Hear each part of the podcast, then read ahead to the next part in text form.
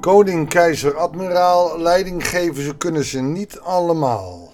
Goeiedag, hartelijk welkom bij een nieuwe uitzending van het Bijbels Dagboek. Want leidinggeven, dat is in Israël nogal eens misgegaan. En dat zullen we nu ook ondervinden dat het misgaat. Uh, als Jeremia ondergedoken is, hebben we gisteren gehoord in Mispa, uh, dan is zijn leiding hoewel die natuurlijk niet helemaal door iedereen erkend was, uh, even niet aanwezig. We zien hem pas in hoofdstuk 42 uh, zelf weer terugkomen. We lezen nu in Jeremia 40 de versen 7 tot en met 16. De bevelhebbers van het leger en de manschappen die zich nog schuilhielden, hoorden dat de koning van Babylonië, Gedalja, de zoon van Agikam, de gouverneur, had aangesteld en dat hij hem had belast met de zorg voor een deel van de armsten van het land, mannen, vrouwen en kinderen die niet als ballingen naar Babel waren gevoerd. Nou, dat is eigenlijk mooi. Uh, wat wat uh,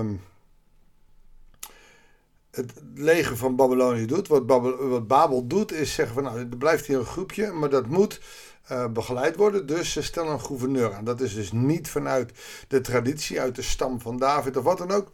Nee, die is door Babel aangewezen. En het mooie is dat hij zegt: je gaat voor de armsten van het land zorgen.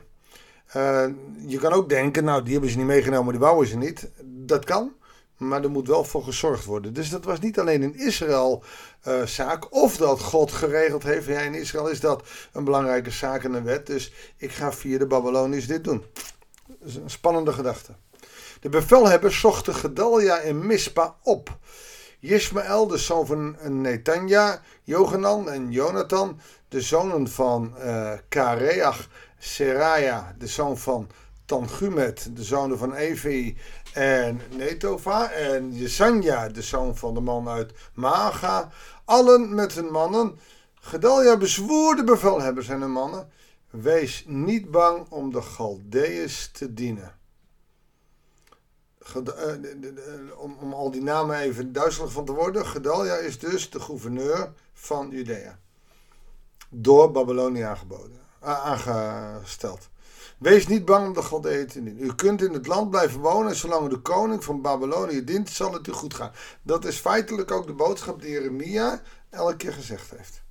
Ik zelf blijf in Mispa wonen om u bij de Galdeën te vertegenwoordigen. U moet de druiven, zomervruchten en olijven inzamelen en opslaan. Ga in de steden wonen die u nog in bezit hebt. En toen de Judeërs in Moab, Ammon, Edom en andere landen hoorden dat de koning van Babylonië een deel van de Judeërs in het land had blijven wonen en dat, zij, dat hij Gedalja, de zoon van Agikam, de zoon van Safan, tot hun gouverneur had benoemd, keerden ze uit alle plaatsen waar ze verdreven waren terug naar Juda. Nou, je ziet het al, we wachten nog steeds op alle terugkeer van alle Joden naar uh, Israël. En dit is ook al gebeurd in de tijd van Jeremia. En nadat ze Gedalja en Mispa hadden bezocht, oogsten ze zeer veel druiven en zomervruchten. Zegeningen staat daar. Je zal gezegend zijn als je die Galdeërs maar dient. Want dat heeft de Heer zo bevolen. Is dat leuk? Nee, dat is niet leuk. Maar niet alles is leuk. En dat is net als in deze tijd. Gelovig zijn, in de Heer Jezus geloven, is niet altijd leuk. Het levert strijd op. Het levert soms te veel strijd op. Maar het levert wel zegen op. En dat zie je. Johan de zoon van Kareach en een aantal bevelhebbers van het leger die zich voordien hadden schuilgehouden, kwamen naar Mispa en zeiden tegen Gedalja, weet u dat Ismaël, de zoon van Natanja, er door de koning van Baalis uh, van Ammon op uitgestuurd is om u te vermoorden? Maar Gedalja geloofde hen niet. Johanan stelde hem in het geheim voor: Laat mij Ismaël, de zoon van Netanja, doden. Niemand zal ook maar iets vermoeden. Hij mag u niet vermoorden, dat zou immers alle Judeërs die zich bij u aangesloten hebben weer verstrooid worden en zou wat er nog van Juda over is ten gronde gaan. Wat Johanan hier doet, is proberen hè, van de geruchten die er zijn om zijn gouverneur, die aangesteld is door de Babyloniërs, maar waarvan hij weet dat God hem zijn zegen heeft gegeven, uh, om die te beveiligen. Uh, hij wil dat doen door uh, te doden. Waarom Ismaël heeft voorgenomen om Gedalia te doden. Hij heeft hier het beste voor met de gouverneur.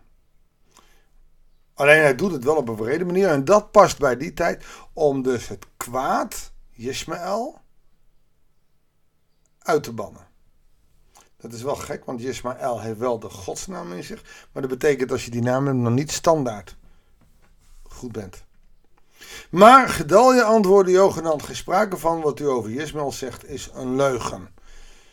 Ik denk dat als we naar het volgende hoofdstuk gaan, of later, zullen we merken dat Ismaël en wat er over hem gezegd wordt geen leugen is, maar dat Ismaël Gedalje ook zal vermoorden. Johanan probeert hier, ondanks dat Gedalja geen koning is in het koningschap van God en niet een gezalfde van God is, maar wel aangesteld is, probeert hij hem te beveiligen.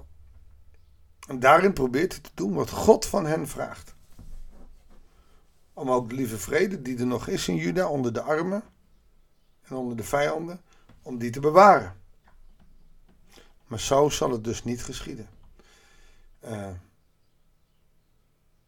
een duidelijk stuk waarin blijkt dat ook voor de achterblijvers er gezorgd wordt. En zo is een God die ondanks de verstrooiing toch een God is die er altijd bij blijft. Die de regie en de touwtjes in handen houdt. En ik denk dat in welke situatie je ook bevindt, in welk verdrietig fase van het leven je bevindt, het blijft altijd belangrijk om te weten dat wat er ook gebeurt, God erbij is. Zullen we God daarvoor danken? Heer God, zo midden in deze week, dag voor Hemelsverdag, als we het verhaal van Jeremia lezen.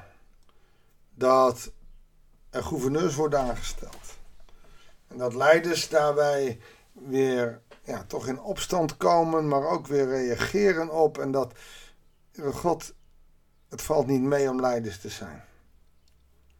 Om te luisteren naar uw stem. Wilt u ons helpen om u als onze leider te zien? door te proeven en aan te nemen, maar ook zelf als leiders dienend te zijn voor de mensen die onder ons of aan ons toevertrouwd zijn, gezet zijn. Heer God, wilt u, wilt u ons gehoorzaam maken aan u?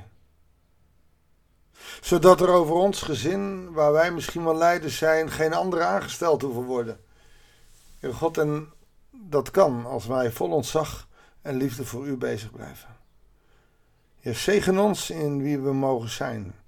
In betrekking tot onze gezinnen, tot onze vrienden, tot onze buren. Leer ons dienstbaar te zijn zoals Jezus Christus dat ons geleerd heeft. Die hele les die leert hier het volk door Jeremia, maar ze zijn hardnekkig. Vandaar dat u uw eigen zoon moest sturen en ook hij werd niet aangenomen. Heer, dank u wel dat u een God bent van geduld, liefde en genade. Dank u wel dat u zo met ons meegaat. We loven en prijzen uw grote naam. Van nu aan tot in eeuwigheid. Amen. Dankjewel voor het luisteren. Ik wens je God zegen en heel graag tot de volgende uitzending van het Bijbelsdagboek.